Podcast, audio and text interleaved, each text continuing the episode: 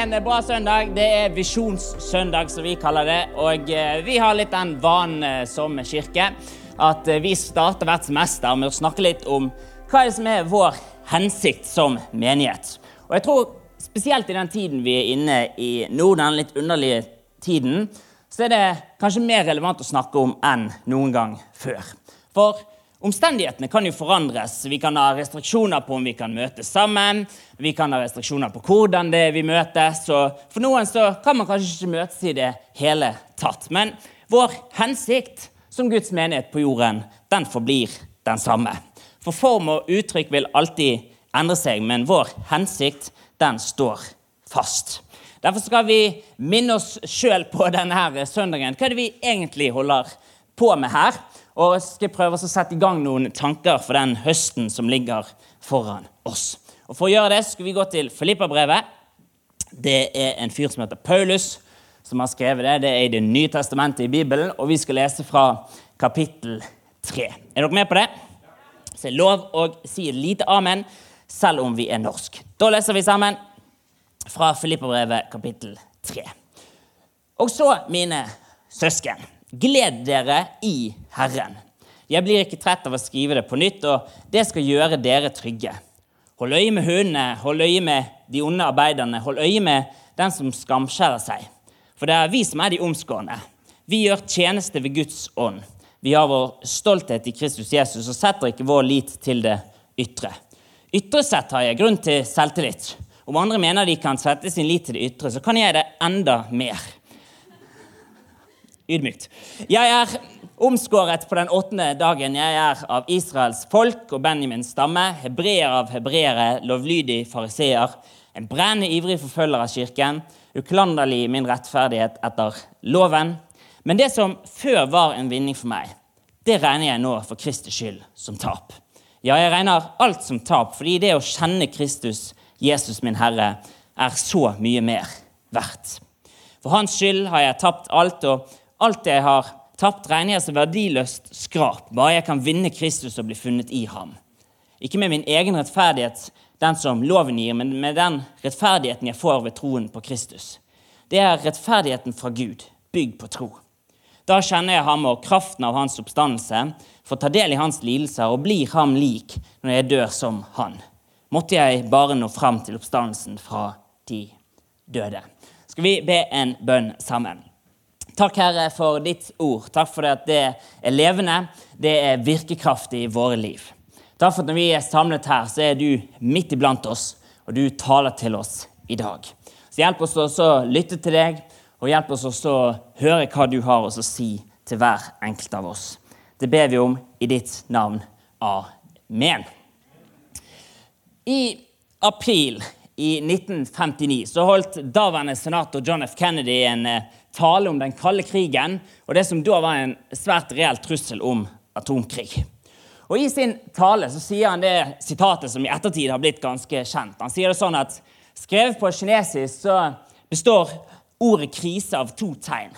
Det ene tegnet betyr fare, og det andre betyr mulighet. Og så sier han dette som har blitt kjent. da. I enhver krise finnes det en mulighet. Og Nå viser det seg faktisk da at John F. Kennedy han tok helt feil. Eh, for det kinesiske ordet for krise det innehar faktisk ikke muligheten om, eller denne ideen om en mulighet. Men poenget som Kennedy ønsket å få frem, tror jeg likevel er sant. at I enhver krise så finnes det mange farer, ja, men det finnes òg muligheter. Og det er jo ingen tvil. Verden, iallfall når vi ser sånn globalt som helhet, er i en krise akkurat nå. Vi er i en helsemessig krise med et smittsomt virus som tar menneskeliv og setter helsevesenet under press. Vi er i en økonomisk krise med bedrifter som sliter, og mennesker som mister jobben. Vi er i en kanskje sosial krise med distansering, isolering og det som virker som en økende frustrasjon i befolkningen. Men spørsmålet for oss som følger Jesus i dag, er hva er mulighetene i denne krisen? Og ikke på en sånn måte som skal være opportunistisk, eller på en måte som bare skal skyve vekk alt som er negativt. Men hva er det Jesus inviterer oss til i den tiden vi befinner oss i nå? Paulus han skriver til menigheten i Efesos. Pass derfor nøye på hvordan dere lever. ikke som ukloke mennesker, men som kloke, så dere bruker den dyrebare tiden godt. For dagene er onde. Vær ikke uforstandige, men forstå hva som er Herrens vilje. Det ordet som brukes her om tid. På gresk så er det to ord for tid. Det ene er kronos, og det andre ordet det er kairos. Kronos det er der vi henter kronologisk fra, og det handler om tid i den forstand av minutter og timer. Mens kairos det er litt annerledes og litt vanskelig å oversette, men det betyr noe som et avgjørende øyeblikk i tiden. Og Det er dette ordet Jesus eh, bruker når han for sier 'min tid er ennå ikke kommet', og snakker om sin død og oppstandelse. Og Jeg tror at vi lever i et sånt Kairos-øyeblikk i tiden. Der det ikke lenger er business as usual, men vi tvinges til å møte en ny hverdag der alt det vi før har satt vår tillit til, enten det er helsevesen eller økonomi eller politikk eller teknologi, settes under press. Men òg i denne krisen så finnes det en mulighet. En mulighet for oss til å stille oss sjøl spørsmålet hva er det Gud gjør i denne krisen? Hva er det som er Jesus sine invitasjoner til oss i den tiden vi befinner oss i? For vekkelser og fornyelser i den kristne kirke det har gjennom historien nesten alltid skjedd i tider rundt krise, rundt disrupsjon eller sosial omveltning. Og Nå er det på ingen måte min eh, jobb å prøve å spå når eller hvor eller hvordan Gud vil bevege seg. Det er heldigvis bare Gud som vet det og bestemmer det når og hvor og hvordan han vil sette i gang sin bevegelse. Men samtidig er det sånn at Jesus sier at Guds rike det kommer til de som hungrer, de som tørster etter rettferdighet. I sommer har jeg lest en bok av en som heter Mark Sayers. Boken heter Reappearing Church. og Den handler om vekkelse og fornyelse i den kristne kirke. Og I sin bok så skriver han dette. At Gjennom historien så observerer vi et mønster. Når vi roper til ham, når vi vender om fra måten vi har ignorert ham og fulgt våre menneskeskapte planer for fornyelse, når vi inntar holdningen av å søke etter at Hans rike skal komme, ja, det er da vi ser at han beveger seg. Det er litt som Guds bønnesvar til kong Salomo i Det gamle testamentet. Når de er ferdige å bygge tempelet i Jerusalem, så sier Gud dette. At hvis dette folket, som mitt navn er nevnt over, ydmyker seg og ber, søker meg og vender bort fra sine onde veier, ja, da skal jeg høre dem fra himmelen, tilgi dem syndene og lege landet. Mark Sayers skriver det at når det kommer til vekkelse og fornyelse, så er det Gud sjøl som leder dansen. Det er han som utøver sin ånd. Det er han som kommer med sitt nærvær. Det er han som forandrer byer og samfunn og nasjoner.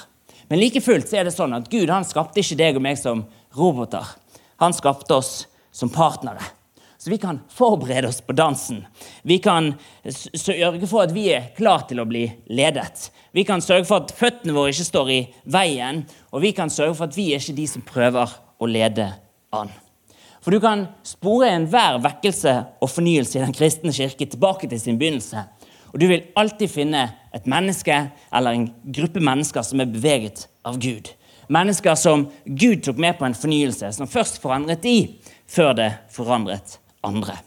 Og kan det være det at i den tiden vi befinner oss i, så ønsker Gud å forberede i oss først det han seinere vil gjøre gjennom oss.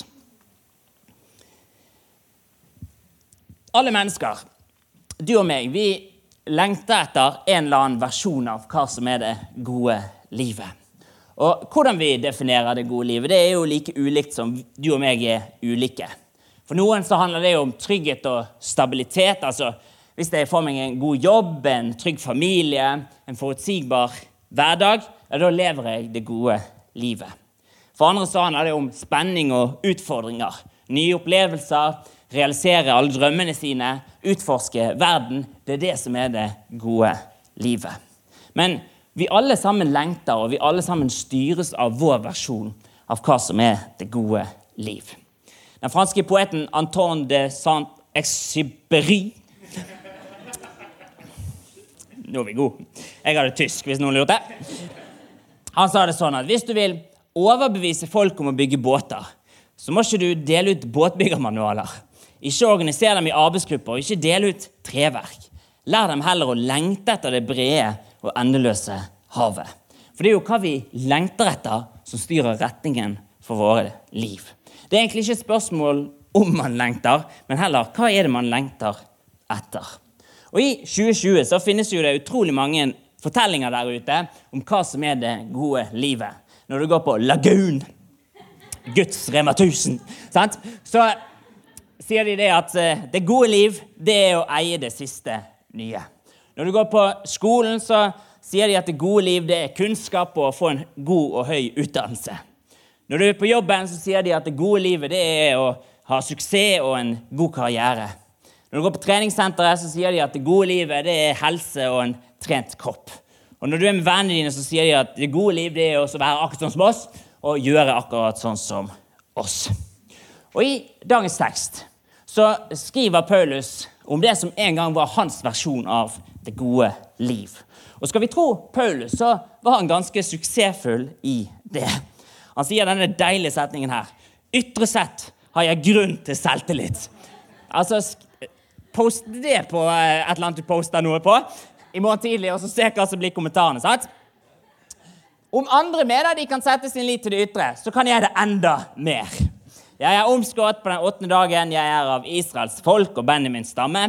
Hebreer av hebreere, lovlydig fariseer en brennende ivrig forfølger av kirken, uklanderlig i min rettferdighet etter loven. Og når Paul skriver dette, så skriver han det for å adressere den motstanden han får fra andre jødiske kristne som skaper masse styr og trøbbel ved å insistere på at alle som blir kristne, må omskjære seg, selv om de ikke er født jøder. Og Paulus er jo ikke akkurat forsiktig i sin respons. Han kaller de hunder og onde arbeidere som setter sin stolthet og tillit til ytre religiøsitet fremfor Jesus sjøl. Men så stopper han jo ikke der. Han sier sånn hvis du virkelig har lyst på en battle med meg, så skal du få det. Jeg er fra Benjamins stamme. Det er en stamme med en spesiell status i nasjonen. Jeg er hebreer av hebreere, som indikerer at jeg lever et eksemplarisk liv som jøde. Jeg er en lovlydig fariseer, som er en av de strengeste retningene innenfor jødedommen. Og jeg er en brennende ivrig forfølger av kirken, som tyder på at han var virkelig overgitt til sin overbevisning. Paulus han hadde alt å være stolt av.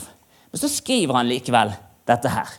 At det som før var en vinning for meg, det regner jeg nå for Kristi skyld som tap. I Johannes evangelium i Det nye testamentet kan vi lese om det som skjer på noen av de første dagene av Jesus sin aktive tjeneste.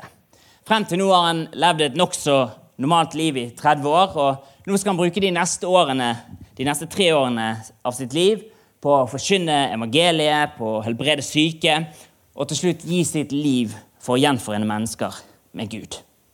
Og På en av disse første dagene så møter Jesus en av sine slektninger. Han kalles for døperen Johannes. Og Johannes han har med seg to av sine disipler. og De er jo veldig nysgjerrige på hvem han er Jesus er, og hva Jesus skal finne på. Så de bestemmer seg at vi skal følge etter oss og se hva som skjer. Etter hvert så oppdager Jesus at eh, det er to eh, gutter som følger etter han. Så han snur seg til dem og så sier han dette litt underlige spørsmålet. Hva søker dere? Og Det virker jo som et ganske trivielt spørsmål, men det er likevel så betydningsfullt. En annen oversettelse sier det sånn at er det noe dere vil? Og en tredje oversettelse sier det sånn hva er det dere ønsker? Og Det kan jo virke som et trivielt spørsmål, men her går Jesus rett til kjernen av hva det vil si å være hans disippel. For han spør ikke hva er det du har lært, han spør ikke hva er det du kan. Han spør til og med ikke hva er det du tror. Men Jesus spør hva er det du søker? Hva er det du vil? Hva er det du ønsker? For Jesus han kaller ikke først og fremst på deres intellektuelle forståelse, men han kaller på deres hjerte. For Jesus han visste det som vi små veldig ofte glemmer i vår tid. At det er ikke bare det vi tenker, som former oss og setter retningen for livene våre, men det er det vi elsker. Sant Augustin han var en kjent filosof og teolog på 400-tallet. Han sa det sånn som det her at du, Gud, har skapt oss for deg selv, og vårt hjerte er rastløst inntil det finner hvile i deg. Det Augustin ønsket å formidle, det var først og fremst at Gud har skapt oss. Mennesket er skapt av Gud, og mennesket er skapt for Gud. Det at vi er skapt av Gud, betyr at hvis vi skal fullt og helt oppleve hva det vil si å være et menneske, ja, så må vi på en eller annen måte finne oss sjøl i relasjon til Han som er vår skaper. Det at vi er skapt for Gud, betyr at det å være menneske det er å være orientert mot noen ting. Det er å lengte etter eller å jage etter noe. Men det andre Augustin ønsket å formidle, det er at hjertet det er sentrumet for denne lengselen. Og I vår kultur så tenker vi gjerne på hjertet som eh, våre følelser og våre emosjoner. Men den bibelske forståelsen av hjertet det er så mye mer. Det er våre dypeste ønsker. Det er vår dypeste hunger, våre dypeste lengsler. For alle mennesker lengter etter noe mer. Og vi søker alle å fylle den lengselen med noe. Men Augustins poeng var det her at hjertene våre vil aldri finne fred og hvile før vi retter vår lengsel i retning av vår skaper. For det er kun når min kjærlighet finner sin landingsplass i Guds kjærlighet, at hjertet mitt finner fred. Derfor skriver Paulus at det som før var en vinning for meg, det regner jeg nå for Kristi skyld som tap. Ja, jeg regner alt som tap, fordi det å kjenne Kristus Jesus min Herre, det er så mye mer verdt. For hans skyld har jeg tapt alt, og alt jeg har tapt, regner jeg som verdiløst skrap. Bare jeg kan vinne Kristus og bli funnet i ham ikke med min egen rettferdighet, den som loven gir, men med den rettferdigheten jeg får ved troen på Kristus. Det er rettferdigheten fra Gud bygd på tro. Og Det er jo akkurat dette som skjer når evangeliet får gripe et menneskes hjerte. At det som før var veldig viktig, det som før definerte min versjon av det gode liv, ja, det blir bare verdiløst skrap sammenlignet med det jeg nå har i Kristus. For det, det, er ingenting som kan sammenlignes med det jeg har i Kristus. Jeg er funnet i ham. Ikke med min egen rettferdighet, men med den rettferdigheten jeg får lov å ta imot ved troen på Kristus. Paulus skriver om denne rettferdigheten til romerne, og han skriver dette er Guds rettferdighet som gis ved troen på Jesus Kristus til alle som tror. Her er det ingen forskjell, for alle har syndet og mangler Guds herlighet. Men ufortjent og av Hans nåde blir de kjent rettferdige, frikjøpt i Kristus, Jesus. Det var noe som skjedde med Paulus. Det som før var en vinning for meg, ja, det regner jeg nå som verdiløst skrap. Vet du at Omvendelse og vekkelse og fornyelse i den kristne tro det er ikke et resultat av at vi skjerper oss, at vi prøver hardere, at nå skal vi disiplinere oss sjøl til å leve et annerledes liv. Men det er et resultat av at evangeliet om Jesus Kristus det griper våre hjerter. Derfor er det som Mark Sayre skriver i sin bok, at fornyelse det starter alltid med menneskets hjerte. Og Skal vi se en ny bevegelse i dette landet, så er det at det som Gud har gjort i vekkelser før, skjer igjen. Ja, Da starter ikke det med at vi tar oss sammen, at vi prøver hardere, at vi skjerper oss. Men det starter med at det Jesus har gjort for oss, det er igjen vekker en brann i våre hjerter som får ringvirkninger forbi oss sjøl. Men opplever du noen gang at det er et gap mellom det du vet, og det du gjør? Nei, det var kun meg. Da hopper vi over det punktet. Nei da. Men det er jo sånn, vi alle kjenner oss igjen i det at jeg vet én ting, men så er det ikke alltid at det henger sammen med det jeg gjør med mitt liv. Altså, Jeg vet at Jesus elsker meg, jeg vet at han har frelst meg, jeg vet at han har satt meg fri til å leve et nytt og annerledes liv. Men likevel så er det sånn at når jeg ser på mitt eget liv, så lurer jeg av og til på om er ting egentlig så veldig annerledes enn det var før. For vi er opplært, opplært til å tenke det at så lenge vi får ny informasjon inn i hodet, så vil det over tid resultere i et forvandlet liv. Men innerst inne så vet vi at det er jo ikke sånn det fungerer helt. For hvor mange ganger har ikke vi tenkt at nå skal jeg forandre meg, nå skal jeg begynne et nytt og bedre liv. Men så går det noen uker eller dager eller timer, sant? så er man tilbake i det gamle mønsteret. Og for de av oss i rommet som kaller oss sjøl for kristne, eller for de av oss som vurderer om vi skal bli det, så er det viktig å forstå at Guds vilje for våre liv er at vi skal bli mer lik Jesus. Men da er det avgjørende at vi forstår hvordan er det Gud forvandler oss. For Jeg tror at Ofte tilnærmer vi oss disippelskapet, altså det å bli lik Jesus, som en sånn ren intellektuell øvelse. Men Jesus han er ikke bare en lærer som ønsker å informere intellektet vårt. Han er Gud sjøl. Han ønsker å forme våre hjerter. Og Han er ikke tilfreds med bare å gi oss nye ideer som vi kan fylle hodet med. Han er ute etter intet mindre enn våre ønsker, våre lengsler og vår kjærlighet. Og Det betyr det at det å følge etter Jesus det handler om å kalibrere vår kjærlighet og vår vilje og våre lengsler til det som er hans kjærlighet og hans vilje og hans lengsler. Så hvordan er det det skjer? I Paulus sitt brev til kolossene, en annen menighet, så skriver han om en sånn rekke positive egenskaper eller karaktertrekk. Han skriver om medfølelse og godhet og mildhet og ydmykhet og tålmodighet og alt flott. Tilgivelse. Og så oppsummerer han med over alt dette kle dere i kjærlighet. I de engelske oversettelsene av disse versene så kalles disse positive egenskapene eller karaktertrekkene for virtues, eller det som på norsk heter dyder. Og jeg vet ikke med deg, men Det er jo et ord som i hvert fall ikke bruker så mye til daglig. Men en dyd det er ganske enkelt en moralsk vane. Det er karaktertrekk som er så integrert i hvem du er. At det naturlige er å være medfølende og god og ydmyk osv. Og På den måten så er dydene de er annerledes enn lover og regler. Lover og regler det er ytre bestemmelser om hva som er godt og rett. Mens dyder det er en sånn indre tilbøyelighet til å gjøre det som er rett. Det er litt som å puste. ikke sant? Akkurat nå så puster du, og du tenker ikke så mye over det.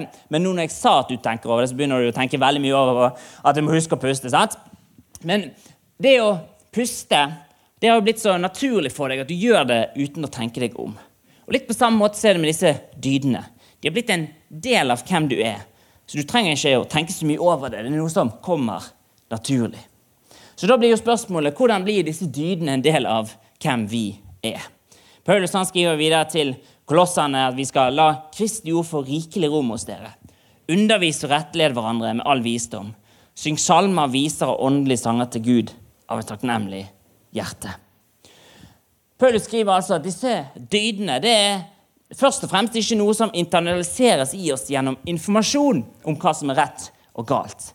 Men det er noe som formes i oss gjennom rytmer og rutiner og ritualer. Som nå gjentatt over tid internaliseres i oss en slags tilbøyelighet til å gjøre det som er rett. Derfor handler disippelskapet til Jesus mer om å reformere mine lengsler enn å informere mitt intellekt. Det handler om å rekalibrere hjertet gjennom praksiser som former min kjærlighet. Og Det er jo derfor det er så viktig for oss som er kristne, å plassere oss sjøl i et miljø der kjærligheten til Jesus får formes i oss gjennom å gjenta de praksiser som til enhver tid har kjennetegnet den kristne kirke. I Apostlenes gjerninger 2.42-47 så står det sånn at de holdt seg trofast til apostlenes lære og fellesskapet, til brødsbrytelsen og bønene. Hver og en ble grepet av ærefrykt, og mange under og tegn ble gjort av apostlene. Alle de troende holdt sammen og hadde alt felles. De solgte eiendommene sine og det de ellers eide, og de delte ut til alle ettersom hver enkelt trengte det. Hver dag holdt de trofast sammen på tempelplassen, og i hjemmene brøt de brød og spiste sammen med oppriktig og hjertelig glede. De sang og lovpriste Gud og var godt likt av hele folket. Og hver dag la Herren til nye som lot seg frelse. I denne kirken så sier vi det sånn at det handler om fem ting. Og nå må du følge med, for nå får du Bergen frikirke oppsummert på ett minutt. Det handler for det første om tilbedelse. Det er å tilbe Gud i ord og handling, gjennom lovsang, gjennom å gi, gjennom å tilbe Han. Det handler om, for det andre om fellesskap. Det å komme sammen med de troende og leve det kristne livet sammen. Det handler om vekst. Å lære seg de vanene som bygger troen. Enten det er stillhet, bønn, bekjennelse eller bibellesning. Det handler om tjeneste. Å tjene hverandre med det vi har fått. Å tjene hverandre med den nåde Gud har gitt oss. Og til slutt så handler det om evangelisering. Altså å sette ord på dele troen vår med andre mennesker. Og når vi gir oss til sånne praksiser i fellesskap over tid, så vil vi oppleve det at Gud han rekalibrerer hjertet. Og vår kjærlighet formes til å elske det Gud elsker. I enhver krise så finnes det en mulighet. Og hva Gud har lyst til å gjøre i denne tiden her, og hvordan han har tenkt å gjøre det, det vet ikke jeg. Men jeg vet én ting, og det er at Jesus han inviterer oss til å søke ham. Til å rette vår lengsel etter mer mot ham. Og til å la våre hjerter formes slik at hans kjærlighet blir vår, og vår vilje kalibreres med hans. For jeg er overbevist om det at det Gud har gjort før, det vil han gjøre igjen. Men vekkelse det er ikke noe som starter der ute, det er noe som starter hos oss. Ved at vi vender om, ved at vi søker ham, og lar han først forme i oss det han deretter vil gjøre gjennom oss.